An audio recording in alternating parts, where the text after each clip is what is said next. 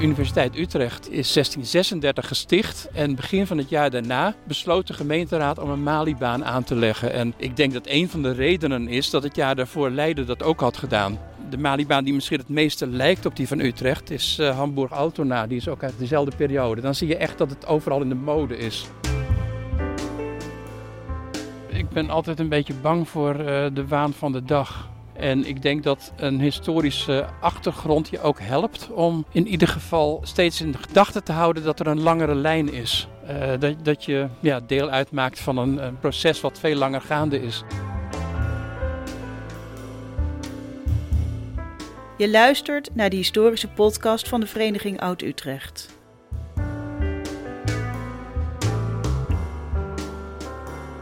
Arjan den Boer spreekt met Utrechtse historici over de geschiedenis van de stad en hun fascinatie daarvoor.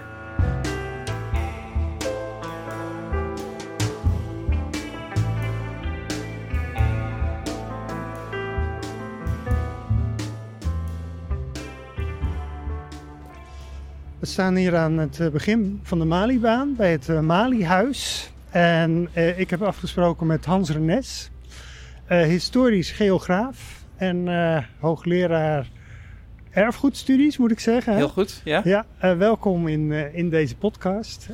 de aanleiding om je uit te nodigen is dat het jaarboek Oud-Utrecht verschijnt eind november. Of al verschenen is, voor wie ernaar luistert.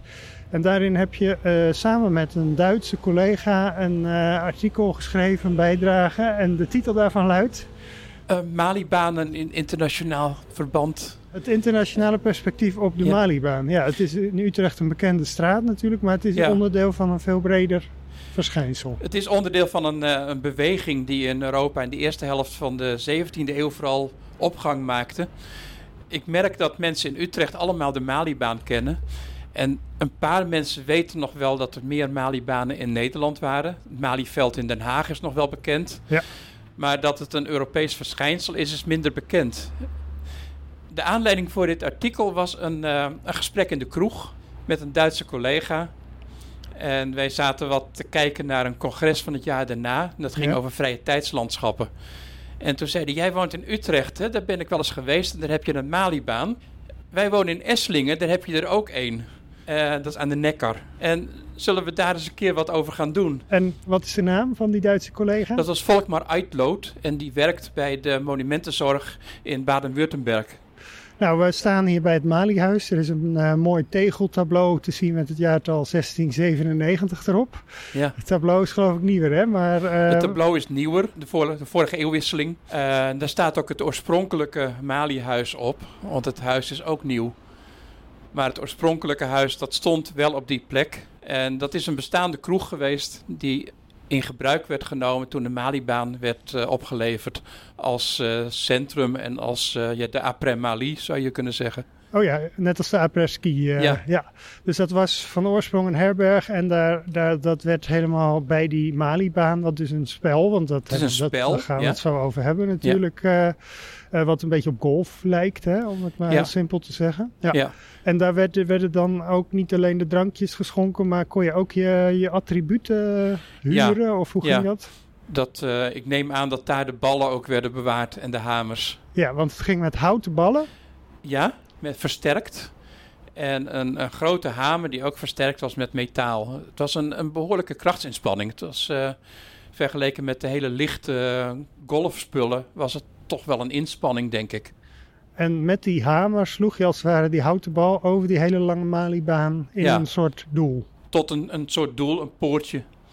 Er waren verschillende varianten. Je kon het alleen doen. Je kon het ook in, uh, met z'n tweeën doen, of met meer zelfs, in competitie. Je moest dan met zo min mogelijk slagen uiteindelijk in de bal door dat poortje krijgen. De Malibaan is uh, zo'n 700 meter lang en dat is ongeveer een, een standaardlengte geweest. Er waren wel langere, er waren ook kortere, maar je komt heel vaak die 700 meter ongeveer tegen. Ik stel voor dat we een stukje gaan lopen over de Malibaan. Uh, we maken er een wandeling van. Dat is ook nog uh, corona-proof, hè? Zullen we daar op het middenpad gaan lopen? Ja. Voor we nou nog wat verder ingaan op de Malibaan en dat internationale perspectief... Uh, je bent historisch geograaf aan de universiteit hier. Nou is dat denk ik een vakgebied dat relatief onbekend is. Kun je aangeven wat dat inhoudt?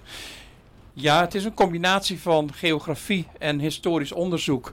Het is eigenlijk historisch onderzoek wat door geografen wordt gedaan. En dat betekent dat de thema's heel erg geografisch zijn. En dat gaat om, uh, meestal om landschappen, stadstructuren. In ieder geval altijd om ruimte. De eerste vraag is uh, altijd wanneer gebeurde iets waar? Dat doen historici ook wel. Hè. Er is een, een ruimtelijke draai in de geschiedwetenschap ook. Maar uh, bij geografen staat die ruimte toch altijd wel voorop. Dat maakt dat historisch geografen vanuit hun onderzoek naar uh, landschap en steden ook al heel vroeg een verbinding hebben gelegd met ruimtelijke ordening. Want dat heb je als geograaf ook in je opleiding zitten. Dus het is eigenlijk de geschiedenis van hoe de ruimte gebruikt werd. Maar ja, daar valt en eruit dus, ziet. Ja, valt ook stedenbouwkunde onder, denk ik, de geschiedenis ja, daarvan. Ja, er zijn allerlei andere mensen die zich daar natuurlijk ook mee bezighouden. Historische stedenbouw. Het is geen monopolie. Maar het is wel zo dat geografen, historisch geografen, denk ik het meeste verbinding hebben gelegd tussen geschiedenis van het landschap en huidig beheer en toekomstig beheer. En dat raakt dan ook meteen aan mijn andere functie die over erfgoed gaat. Want dat gaat, uh, erfgoed gaat over de omgang met geschiedenis in het heden. En dat is uh, je hoogleraarschap aan de VU in Amsterdam, aan de, ja, aan de bij erfgoedstudies. Ja. ja. En je zei al, er is een raakvlak, maar het is dus niet hetzelfde vakgebied. Het is niet hetzelfde. In Utrecht doe ik vooral historisch onderzoek. En aan de VU kijk ik veel meer naar de, de toepassing. Maar het heeft bij mij altijd wel door elkaar gelopen. Ik ben altijd ook al wel bezig geweest met uh, landschapsbeheer. En uh, adviseer ook clubs als natuurmonumenten en zo op dat punt. Als ik uh, daar goed naar luister, dan ben je vooral ook bezig geweest met het platteland, de ontwikkeling daarvan. We zijn Ja. hier natuurlijk in de stad. Zijn dat twee heel verschillende gebieden? Of, Het Zijn zijn wel verschillende mensen die zich daarmee bezighouden meestal. Maar ik ben wel eh, in de loop van de tijd steeds meer stedelijk georiënteerd geraakt. Ik heb twintig jaar na mijn studie in Wageningen gewerkt. En daar lag de nadruk heel erg op, eh, op platteland. Op agrarische landschappen. Ik Dat heb heel veel ik, onderzoek ja. gedaan voor ruilverkavelingen bijvoorbeeld. Om dingen aan te geven die ze zouden kunnen ontzien. Ja. Ehm, sinds ik in Utrecht werk en ook, eh, ik heb, we hebben ook in 15 jaar in Utrecht gewoond. We zijn een paar jaar geleden naar het platteland verhuisd weer. Maar in Utrecht ben ik wel steeds meer stedelijk georiënteerd geworden. en de Malibaan is daar een goed voorbeeld van Dat is natuurlijk. een mooi voorbeeld, ja. Ja, want dat is eigenlijk ook uh, een gebied dat oorspronkelijk natuurlijk niet in de stad lag. Nee, het is buiten de stad aangelegd. Het is ehm, aangelegd wel in samenhang met de universiteit om studenten bezig te houden. En dat is wel grappig. eh, de Universiteit Utrecht is 1636 gesticht. En begin van het jaar daarna besloot de gemeenteraad om een Malibaan aan te leggen. En ik denk dat een van de redenen is dat het jaar daarvoor Leiden dat ook had gedaan. Ah ja. Want dat is altijd een beetje een concurrentie geweest. ja, dus het was eigenlijk een sportvoorziening eh, voor studenten om die eh, te trekken naar Ja. Utrecht, naar de Ja. nieuwe, nieuwe universiteit Ja, hier. dat was een van de dingen die Utrecht aan kon bieden als eh vermaakmogelijkheid. En dan is het gelijk ook wel een groot iets, want je zei al 750 meter lang. Het is niet een, een klein sport- sportveldje wat je even aanlegt. Nee, dat kon je dus ook alleen buiten de stad doen. En dat, dat zie je in de meeste plekken wel, dat Malibanen zijn aangelegd waar je nog ruimte hebt. Ook in Leiden ligt die pal buiten de stadsgracht. Zowel in Utrecht als in Leiden, ook wel mooie overeenkomsten, zijn die Malibanen aangelegd op eh, grondbezit van instellingen. Die op de een of andere manier in handen van de gemeente waren gekomen. Dus in Utrecht was het grond van een opgeheven klooster, het Sint-Stevens klooster. En daarnaast was er een deel van de grond van eh, het kapittel van Oud-Munster. En hoe moeten we het ons voorstellen dat die grond tot dan toe werd gebruikt? Was het gewoon landbouwgrond? Ja. Er, waren, er was vooral landbouwgrond. En, Eh, het werd verpacht aan boeren. en we lopen nu langs de rijbaan. Het is eigenlijk, als je zo even door de weekse ochtend loopt, is het best wel eh, druk hè, met verkeer. Het is echt een verkeersweg geworden. We steken even over de, de Nachtegaalstraat. Was die kruising er eh, ook al in de tijd van de Malibaan? Dat Nee. er een pad over Nee, die is later. Die is later, ja. Je kon wel doorlopen, die hele lengte. Maar hoe zag de baan er zelf uit? Want nu is het geasfalteerd, het middengedeelte. Het was ehm, aarde. En het meest opvallende waren de, de vier rijen bomen. die je nog steeds ook wel kunt herkennen. Het zijn natuurlijk niet de oorspronkelijke bomen. Ik zie nu eigenlijk drie je ziet rijen er zelfs aan meer één- nu. Ja, je ziet drie- nu zes rijen. Zes rijen, ja. Maar oorspronkelijk waren het vier rijen bomen. En die waren bedoeld om het landschap te veraangenamen. En ook om schaduw te geven bij het spel. Oh, oké. En Ja. dat is wel heel belangrijk geweest. Want juist door die beplanting met bomen was het een aantrekkelijke laan. Die ook werd gebruikt om te flaneren. En waar later ook mensen aan wilden wonen. Dus wat wij nu doen, een wandelingetje, al is het eh, op dit moment helemaal zo idyllisch niet, maar dat deed de bevolking van Ja, Utrecht Al ook. eeuwen, ja. Ook in de tijd dat het nog voor sport gebruikt werd, dan, eh, dan had het Dan eigenlijk een keken ze. dubbelfunctie. Er werd eh, naar gekeken. We hebben ook wel plaatjes dat mensen staan te kijken naar het spel. Uiteindelijk bestaat de sportbeleving voor een groot deel uit kijken naar mensen die iets actiefs doen. Nou, je noemde al eh, het internationaal perspectief en nationaal de, het Malieveld in Den Haag en de, het voorbeeld in Leiden. Waren al die banen nou hetzelfde of zat er veel verschil tussen? Eh, het belangrijkste verschil wat wij vonden is dat tussen openbare en particuliere banen. Eh, openbare, dat zijn die eh, nou, Utrecht, Leiden, Den Haag en Amsterdam. Die waren in principe toegankelijk voor, voor iedereen. Je moest waarschijnlijk lid worden van een club. Heel veel andere banen waren particulier bezit en werden dus gebruikt door een landeigenaar om met zijn gasten een bal te slaan. Ja, ja, net als een tennisbaan op een landgoed Ja. later. Ja. Er waren er bijvoorbeeld in ieder geval twee van, de, van het huidige vorstenhuis. In ehm, Breda is die nog heel lang. De, de Zichtbaar Oranjes geweest. eh, bedoel je? Ja. ja. En bij Honselersdijk, de verdwenen buitenplaats in het Westland, lag er ook één. Eh, in het Duitse artikel hadden we ook nog een eh Malibaan bij het Lo opgenomen. Maar die heb ik toch intussen moeten schrappen. De, de enige bron bleek een, eh, een boek te zijn uit het begin van de 20e eeuw. En die beeldt hem af op een vierkant perk naast het kasteel. Dat kan er dus geen één zijn geweest. Dat moet een ander balspel zijn geweest. Want het is altijd zo'n langgerekte het moet baan. altijd een langgerekte baan en zijn zijn. ze altijd even lang, eh, die 750 meter? Die in Den Haag was een kilometer. En die stond ook bekend als de langste van Europa. En bij het eh, kasteel van Loon op Zand lag er een van 400 meter. Dat was eh, een beetje een vestzakformaat. Ik las ook in je artikel dat er in Frankrijk eigenlijk niet goed te zeggen is hoeveel eh, van die banen er waren. Omdat er al sowieso veel van dat soort lange lanen met bomen waren. Dat is Die één misschien ding. een dubbelfunctie hadden. Ja, dat is één ding. En het tweede is dat het daar ook door heel veel mensen gewoon langs de weg werd gespeeld. Men eindigde dan wel altijd bij een café. Maar men, eh, men gebruikte de openbare weg. Dat is in, eh, in Zwitserland ook wel, wel bekend. En dat maakt dat banen niet altijd speciaal, speciaal werden aangelegd. En dat zie je dan ook in Frankrijk. Het is daar meer een volkssport geweest. Ja, en hier was het meer voor de elite. Hier was het, ja, toch wel. Studenten Dan waren moet ook je studenten toen. Ja. in, die, in die tijd ook wel toe rekenen, denk ik. De naam Mali, eh, dat is een heel ingewikkeld verhaal hè, waar, die, waar die precies vandaan komt. Ja, is een verbastering van van paillemaille, dat Ja. eh, Frans. En dat komt waarschijnlijk weer van een eh, Italiaans palemaglio. En dat heeft wel iets te maken met het slaan van een bal. Dat betekent het dat eigenlijk. betekent het, ja. Ja. En dat is in alle in verschillende landen heeft het een verschillende ver- verbastering gekregen. En ook in Nederland zijn verschillende namen bekend. In Ameide is een Palmari-baan. En de lokale historische vereniging gelooft er helemaal niets van. Maar dat moet haast ook, ook hierop gewezen hebben. Ja, dat dat ook gewoon een Maar er is niets over bekend. Helemaal Nee. niets. Nee. En hoe verhield het spel zich tot... eh, je had ook eh, kolf- en kaatsbanen. en hier in Utrecht heb je ook eh, een overdekte golfbaan nog, hè? Ja, Hoe, hoe- die zijn kleiner geweest. Maar de eh, basisprincipes zijn hetzelfde? Ja, het is een hele familie van, een, van balspelen die wel veel op elkaar lijken en ook wel uit elkaar zijn voortgekomen, denk ik.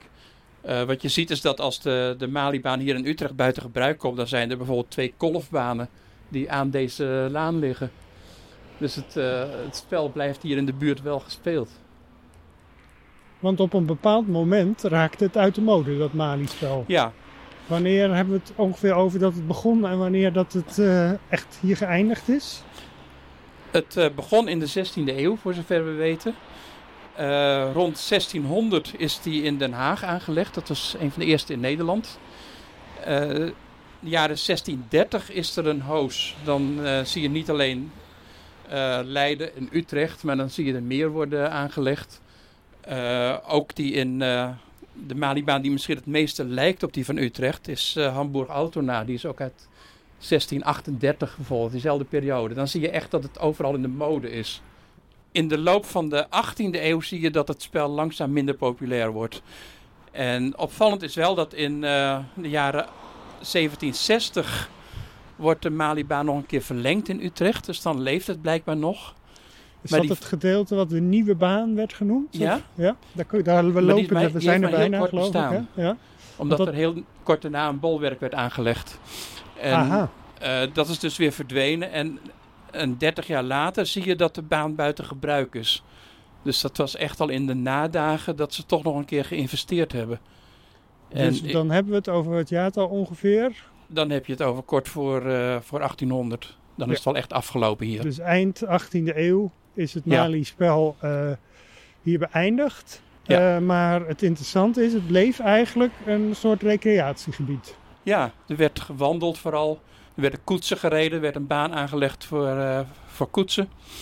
Ehm, er werd gefietst later. Het Eerste Wordt, fietspad van wordt Nederland. vaak gezegd dat het eerste fietspad van Nederland is. Dat, dat kan heel goed. Dat is niet te bewijzen, begrijp Niet ik. moeilijk te bewijzen. En in die tijd eh, zie je al dat er heel veel prestigieuze huizen aan staan. En vooral aan de stadskant was een, een echte villa-wijk. Over... Ja, we lopen er nu langs. Ja, hè. lopen we nu langs. hadden net een paar van die, eh, dat zijn dan 19e eeuwse villa's, maar dat gebeurde Ja. al in de 18e eeuw. eh. Dat begint in de 18e eeuw. En in de 19e eeuw wordt het een aaneengesloten rij huizen. En ook aan de overkant gebeurt dan datzelfde.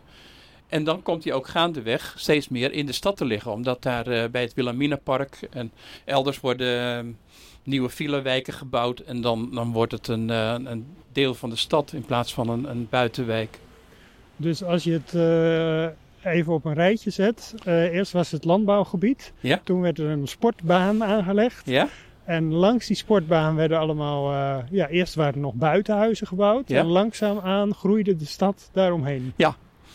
Opvallend ook met eh, heel veel theekoepels. Er hebben tientallen theekoepels gestaan. En die Ja, waren bedoeld om ja. uit te kijken op, eh, op die baan, op die laan. Hoe moeten we dat ons voorstellen? Dat er eh, gewoon hier voor, in de voortuin als het Ja. ware van de huizen? Sommige staken ook uit, waren deel van het huis, maar andere stonden los in de voortuin. Een aantal van de huizen stond aanvankelijk wat verder naar achteren. En is pas in tweede instantie echt aan de Malibaan gebouwd. Ja, dus ze hadden oorspronkelijk grote voortuinen soms. Ja. En daar stonden die theekoepels in Ja. om te, uit te kunnen kijken op het Mali-spel. En later op de, gewoon op de laan. En al die theekoepels zijn verdwenen, geloof ik. Hè? Er zijn nog een paar, ja, ik kan er geen één aanwijzen in ieder geval. Maar je hebt misschien nog wel eens een erkertje of zo dat Ja. daar een overblijfsel van is. eh. Ja, dat, eh, daar is wel een keer goed naar gekeken, maar dat heb ik er verder niet bij betrokken. Ik moet ook zeggen dat ik heb een aantal dingen ook wel laten liggen in het artikel. Omdat we vooral die internationale kant wilden belichten. Ja. En eh, de Malibaan zelf en de huizen eraan, daar is alles al wel over opgeschreven. Precies, daar zijn verschillende boeken over verschenen. Hè? Ja. De invalshoek dat het een vrije tijdslandschap is, als je, als je het Ja. woord dat je net gebruikte, dat is misschien wel een, een nieuwe manier om er naar te kijken. Hoewel het sportaspect natuurlijk wel bekend was. Maar Dat denk ik wel. En wat ik dan vooral ook interessant vind, ook vanuit een erfgoedperspectief, dat is dat iedere keer weer nieuwe betekenissen krijgen. Dat er nieuwe activiteiten weer aansluiten op de oude. Dus er ligt een laan en men gaat die waarderen en dan gaat men eraan wonen. Ja. En dan krijg je langzaamaan de huidige laan, die niet meer als woonstraat vooral van belang is, maar vooral heel veel eh, kantoren en instellingen zitten. Wat al in de loop van de 20e eeuw steeds meer is geworden. hoe verklaar je die verschuiving van... De, eh, de prijs van de huizen, prestige. prestige. Ehm, op een gegeven moment heel veel mensen die moeite hadden om zo'n grote villa te onderhouden. Eh, net als bij buitenplaatsen in het landelijk gebied zie je dat ook. Dat eh, uiteindelijk een, een instelling of een, een kantoor de beste oplossing is om het in stand te houden. Dat gebeurde hier al in de begin 20e eeuw al? Ja, dan begint dat al. In, in, als je kijkt ook eh, naar de oorlogsgeschiedenis, waar natuurlijk ook veel over bekend is, dan zie je dat eh, allemaal kantoren zijn. Dat al die instellingen hier zitten op een paar, op een paar na, waar eh, particuliere huizen worden gebruikt, bijvoorbeeld als centrum van het verzet. Ja, want het was hier enerzijds, was het, we zijn net langs Malibaan 35 gelopen, hè, waar Ja. Mussert zijn, zijn balkonscènes had, geloof ik. Ja. En Als anderzijds waren fascist heb je een balkon nodig. Ja. Ja. En anderzijds eh, waren er ook eh, verzetslieden hier eh, die Het er was vlak de naast s- woonden. Ja, de pal naast. Dat was ook een fascinerend verhaal natuurlijk. Dat de Duitsers zich van alles konden voorstellen, maar niet dat het verzet werd geleid door dames die ook nog eens in het huis naast hen woonden. Ja, en zij had ook nog een schuilnaam waardoor je niet vermoedde, hè, Dr. Max, Max, ja. dat je niet dacht dat er misschien een dame achter, achter schuil ging. Wij hebben inmiddels al die 750 meter gelopen. We Ja. gaan zo nog wel even teruglopen, maar we zijn aangeland bij de spoorwegovergang, die er eigenlijk eh, bijna eh, de Malibaan doorsnijdt. Hè? Nou, hij gaat de pal langs. Het, het- dat stuk aan de overkant, dat was toen al verdwenen. Dat was dat nieuwe stuk. En wat je dan 1874 ziet, is dat pal langs aan het eind van de Malibaan die Oosterspoorweg wordt aangelegd. Met het, eh, het station, wat ook naar de Malibaan heet. Dus toen werd het, eh, werd het gebied weer, een, kreeg het weer een heel ander karakter. Ja, hoewel minder dan men had verwacht. Hè. Dat, het idee was dat dat een, eh, een heel belangrijk centrum zou worden. Maar dat Malibaan station heeft het eigenlijk nooit goed gedaan.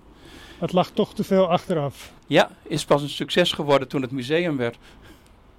Het valt wel op als we hier nou zo lopen, hoe druk het eigenlijk is met verkeer. Ja. En dat brengt ons toch ook op de nieuwe plannen die er zijn voor de Malibaan vanuit de gemeente. Om eh, ja, het wat minder een verkeersweg te laten lijken. En in het midden Ja. een eh, fiets- en voetgangersgebied van te maken. En het verkeer over de twee ventwegen te leiden. Eh, wat, wat vind je van dat plan? Ook als je in het kader van de historie naar kijkt. Is dat een goed idee? Ik vind het wel, ehm, ik vind het wel een doordacht plan. Ik heb niet alle details eh, gevolgd de laatste tijd. Ik, me- ik heb eh, gezien dat er veel protest is vanuit de buurt. Ja, Maar men, dat ging men is vooral bang omdat die, voor eh, meer verkeer ruimte op, de, op de ventwegen. Ja. ja. Die zouden dat liever op het middendeel houden. Kan ik me ook voorstellen. Ik woon zelf in een straat met veel verkeersoverlast. En dan wil je dus het liefst dat wat verder van je huis af hebben. Ik vind het het belangrijkste dat je die lanen met die bomenrijen goed in stand houdt. De rest is, eh, is flexibel. Daar kun je altijd nu iets aanleggen en over een tijdje besluiten dat je het toch weer anders wilt. Eh, die laan is het, eh, het meest kenmerkende en het meest standvastige. Ja. Je ziet het ook weer opnieuw, hè, die vergelijkbaar in Hamburg-Altona. Ook veel gedoe over verkeer. Opvallend. Want ook in andere steden in Europa is, dat, is het een verkeersweg geworden? Of verschilt dat? Ja, de meeste zijn simpelweg eh, verdwenen of liggen in parkachtige situaties. Ehm, in een reliefrijk gebied als eh, grote delen van Duitsland zijn heel veel Malibanen aangelegd in de weinige vlakke gebieden. Ja, En dat is langs de beek, langs de rivier. Die overstroomde dus ook allemaal af en toe. Allemaal hetzelfde probleem. Dat, dat is typisch voor heel veel Duitse Malibanen. En dat zijn gebieden die nog steeds wel, wel open zijn gehouden. Dat Ja. zijn graslanden meestal. Daar ga je ook niet zo gauw huizen bouwen. Nee, maar in Hamburg bijvoorbeeld is het dus ook een verkeersweg geworden. Ja. En en weet je toevallig of daar ook eh, plannen zijn om dat weer een Er wordt af en toe wat functie te geven? Er wordt af en toe wel wat gezegd over eh, te veel ruimte voor autoverkeer. Ehm, eh, voor de rest is die helemaal opnieuw aangelegd bijna na de oorlog, toen er grote oorlogsschade was. Men heeft er duidelijk voor gekozen om die laan te herstellen. En ja, vervolgens zou je eens kunnen kijken of dat verkeer een, eh, een andere richting kan krijgen. Als je nou die banen vergelijkt, zowel in Nederland als in het buitenland, hoe, hoe origineel of hoe eh, goed ligt die van Utrecht er dan nog bij? Is dat een van de meest herkenbare? Het is een hele herkenbare. Hij heet nog steeds zo. Eh, heeft ook betekenis. Eh, ja, ik vind, ik vind hem heel herkenbaar. Ik vind het een van de, een van de mooie. Want we kennen het Malieveld van naam, maar dat doet eigenlijk niet hieraan denken, want dat is een heel breed Ja, grasveld. de laan liep er langs. Eh, nou, die, die, is in, niet meer, die, die laan. die, die is niet herkenbaar. Nee, Nee. Die, dat is echt verkeer geworden. Die in Amsterdam is verdwenen. Die lag in de Watergraafsmeer. Bij Frankendaal in de buurt. Zie je op oude kaarten wel mooi staan. Die is niet meer herkenbaar. Die in Leiden, de Universiteitsbibliotheek in Leiden kijkt erop uit. Maar echt een eh, beeld van een laan heb je daar ook niet meer. Dus in Nederland is het uh, wel heel bijzonder. Dus in, in Den Haag herinnert eigenlijk alleen de namen nog alleen aan? de naam, ja. En in Utrecht hebben we zowel de naam als eigenlijk de originele aanleg met die Ja. rijenbomen erlangs. eh. En in dat kader is het toch wel mooi als dan dat middengebied weer zijn eh, recreatieve functie eigenlijk Ja, ik zou dat wel mooi vinden, ja. En nogmaals, ik kan me de protesten van de bewoners goed voorstellen. Maar misschien zou je... eh, Ik, ik, zou, ik vind het altijd zo jammer als je zo'n laan als, eh, als object op zich bekijkt. En zeker als je het over verkeer hebt, moet je dat in een veel ruimer verband bekijken. Want je kijkt welk verkeer willen we waar naartoe hebben en hoe kan het op plekken waar het minste overlast geeft. En niet alleen niet te denken dat je in één zo'n laan een verkeersprobleem oplost. Nee, want als je het hier aan het begin en aan het einde afknijpt, het toestromend verkeer heb je dan Ja. alsnog. Ja. Ja. Als je hem eh, helemaal in, instelt voor plaatselijk verkeer, dan moet je zorgen dat het doorgaande verkeer ergens anders naartoe kan. Maar dan, heb je, dan kun je denk ik best met de bewoners in overleg.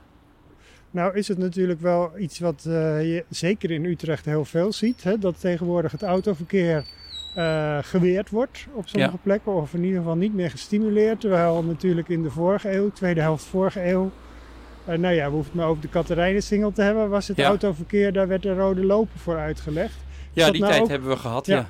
Is dat nou ook iets wat, je, wat in je vakgebied van de, van de historische geografie eh, bestudeerd Het wordt? zijn wel periodes die alweer eh historisch zijn en die we ook, ook bestuderen. Ja.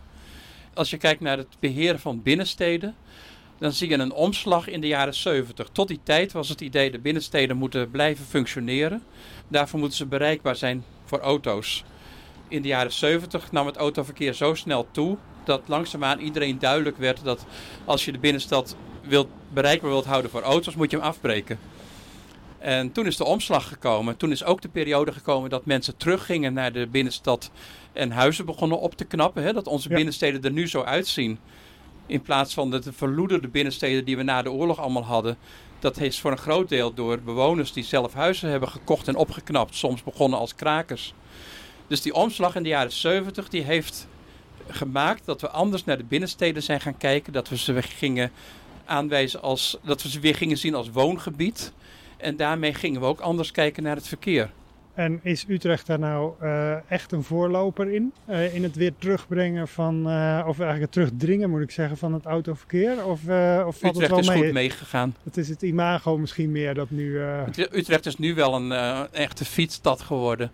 Maar in de beginperiode was, was Utrecht niet vooraan. Nee. Ja, dat kwam ook door die plannen voor Hoogkaterijnen. Die, ehm, zoals heel veel plannen in de jaren 60 gemaakt. En in de jaren 70 uitgevoerd toen de maatschappelijke eh, ontwikkeling al een andere kant op ging. Precies, want je vertelde net die omslag is in de Ja. jaren 70 geweest, maar toen is ook de demping geweest. Dus die plannen hebben gewoon zo'n lange doorlooptijd. Maar dat is de grote tragiek van de jaren 70 geweest. Plannen uit de jaren 60, wederopbouwplannen, die werden uitgevoerd toen de maatschappij aan het veranderen was. En daardoor op heel veel protesten stuiten. En de jaren 80 was een periode van crisis. Werden heel veel plannen uitgesteld en werd het ook een stuk rustiger weer op straat, ook met protesten. De jaren 70 zijn een, de hete periode geweest van de, de omslag die werd afgedwongen door een deel van de samenleving. Ja, nou, we hebben natuurlijk als monument voor die periode de single die dan weer open gaat. Ja. Maar misschien dat dit eh, op een bepaald moment ook wel eh, een voorbeeldfunctie krijgt van wat eerst... Zo, nou, je hoort het.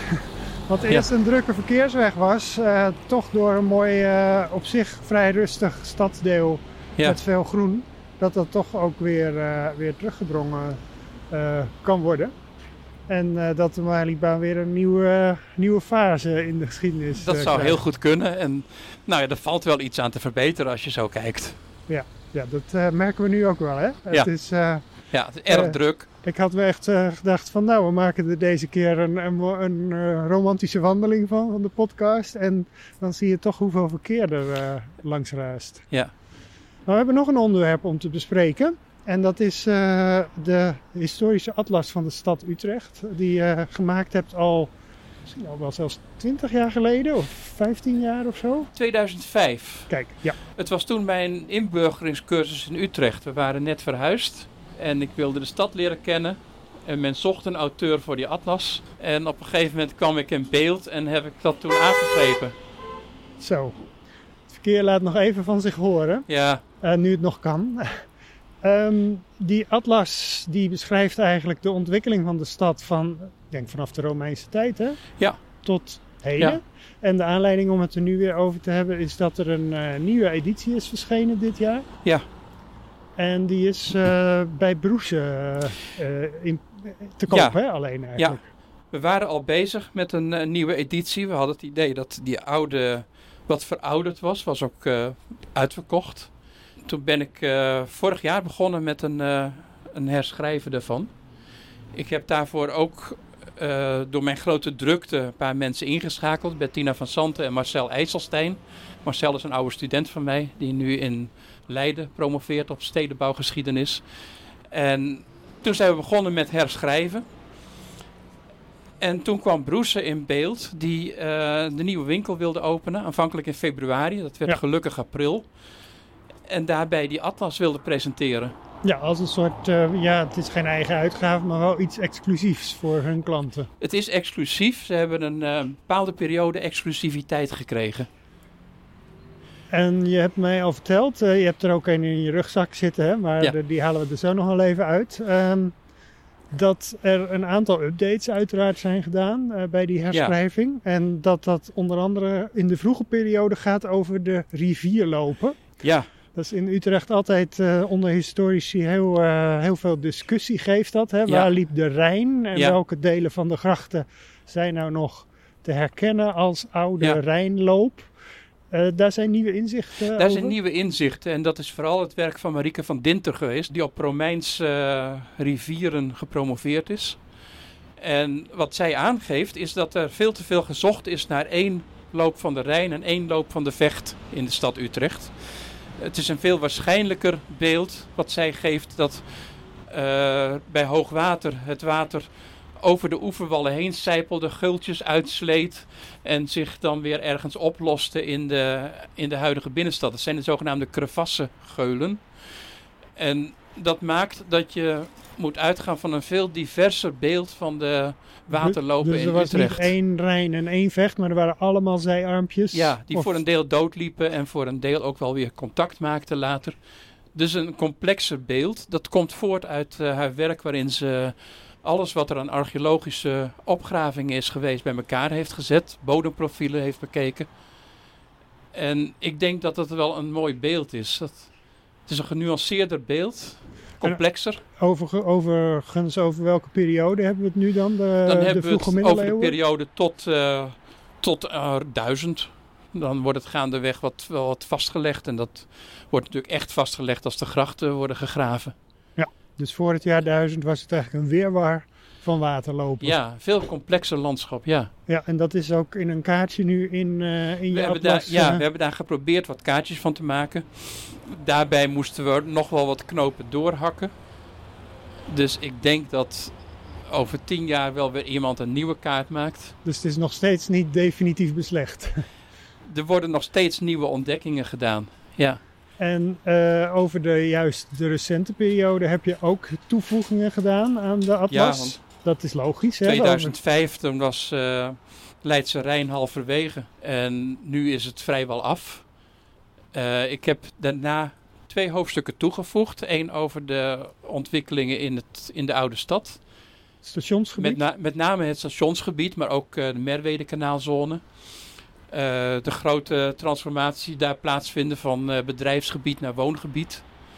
En de andere gaat over Rijnenburg, wat eh, natuurlijk de grote nieuwbouwlocatie is voor de steeds verdere toekomst. Ja, dat vertelde je. En dat is wel heel erg actueel. Want dat feitelijk gebeurt daar nu nog niks. Dat is echt wat Nee. in de toekomst moet gaan gebeuren.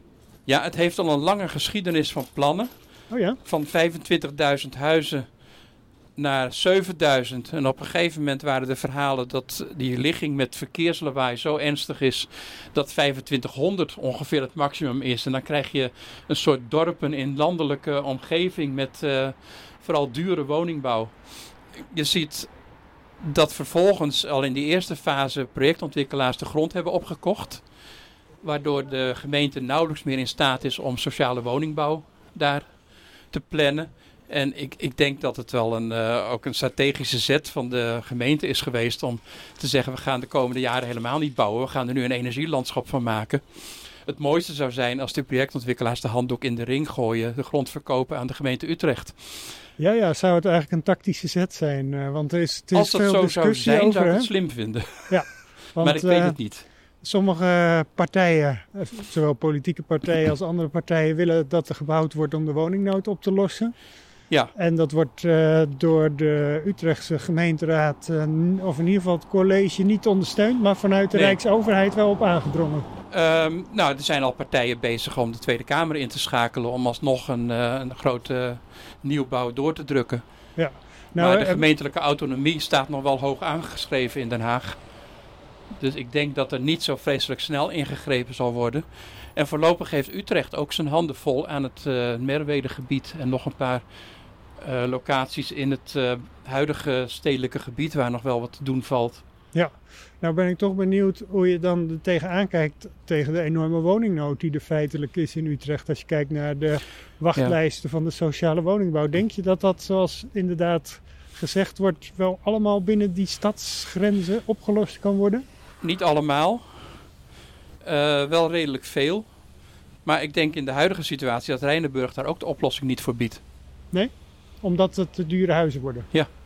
ja. Dus dan heb je dat, uh, die wachtlijst van 10 jaar nog steeds niet opgelost? Ik denk niet dat je, dat je afhankelijk moet maken van één zo'n plan. Ik denk dat je iets anders moet gaan proberen. Ander uh, kritiekpunt wat ik op Rijnenburg heb gelezen is dat het heel slecht bereikbaar zou zijn, met name met OV. Hè? Ja. Hoe kijk je daar tegenaan? Ja, dat is natuurlijk zo.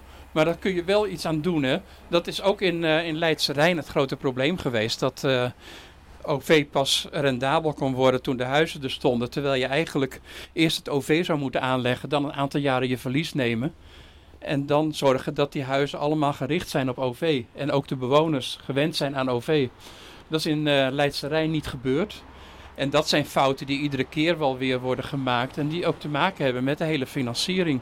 Ja. De gemeente is ook, uh, gemeenten staan erg onder druk financieel. En zijn niet echt goed in staat om uh, uh, 10, 15 jaar voor te financieren in een OV-netwerk.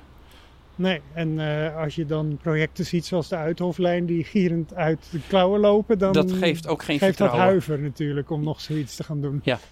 Ik, uh, ik hoor hier wel uit dat je ook duidelijk uh, over de toekomstige en hedendaagse ontwikkelingen nou, meningen hebt. Is dat altijd gebaseerd op historie, op je vakgebied?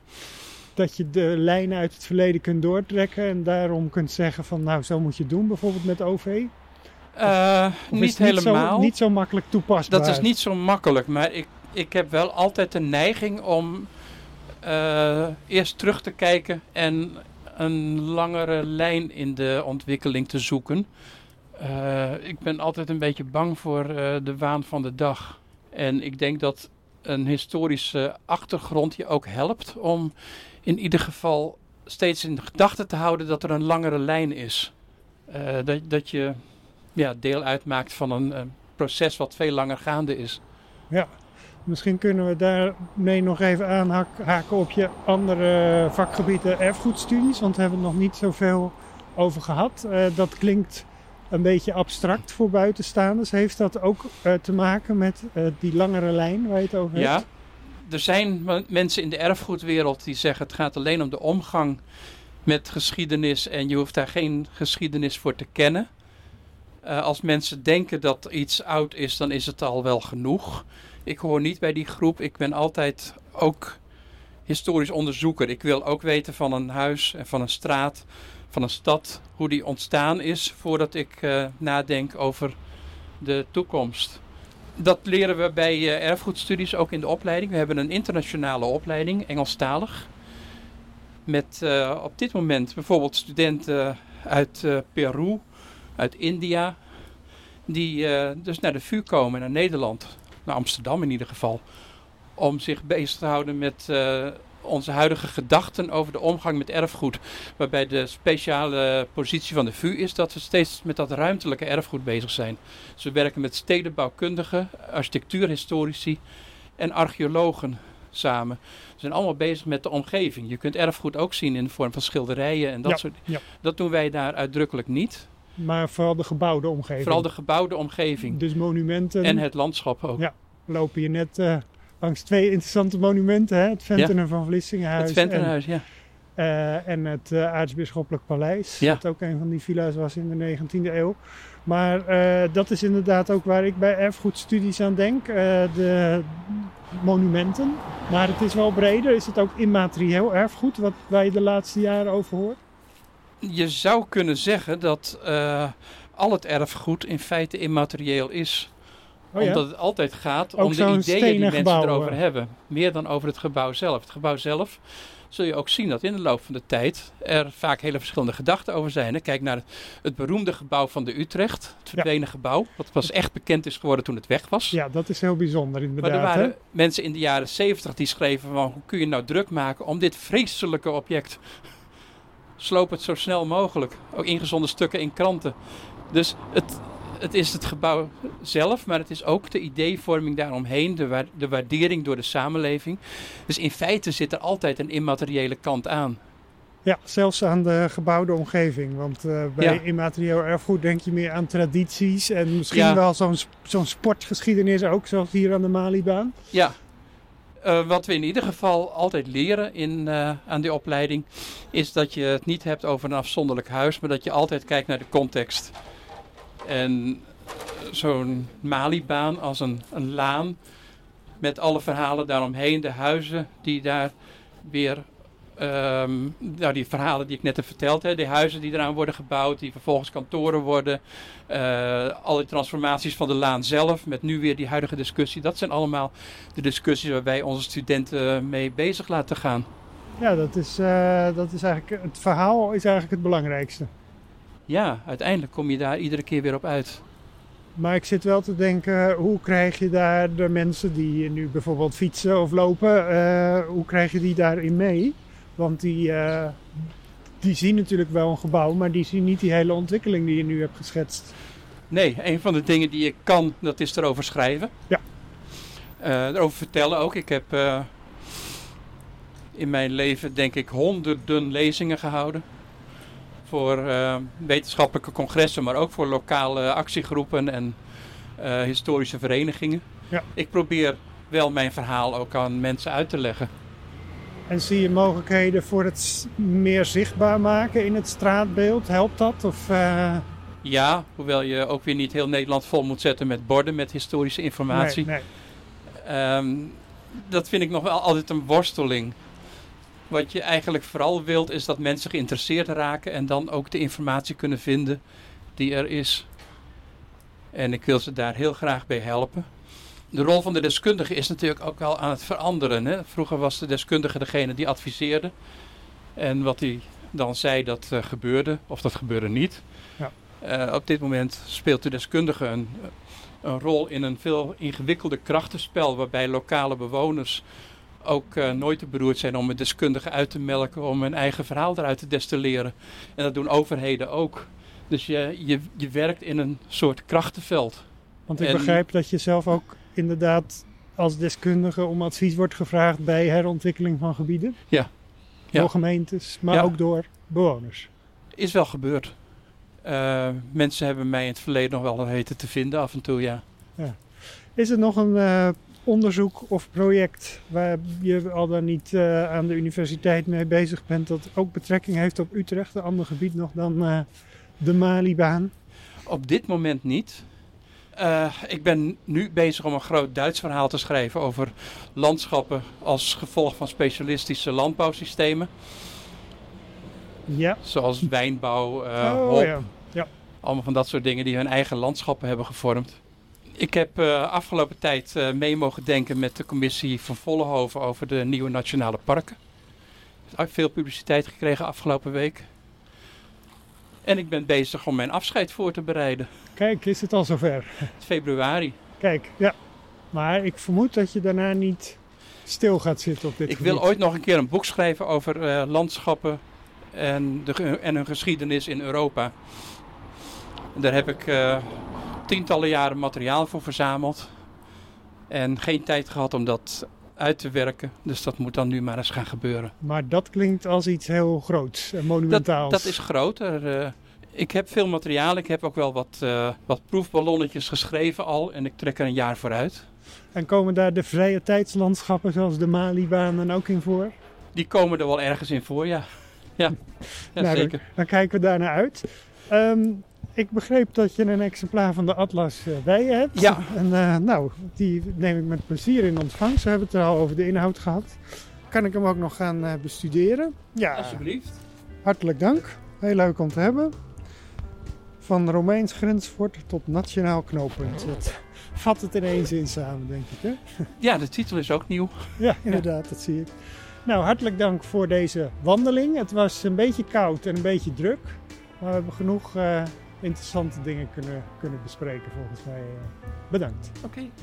was me genoegen. Dankjewel.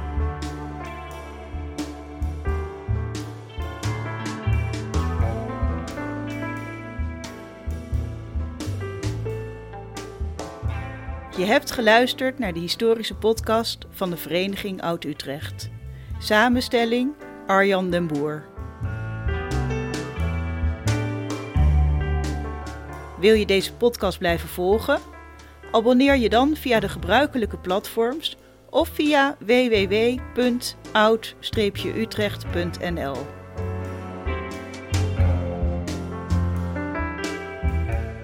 Wil je deze podcast steunen?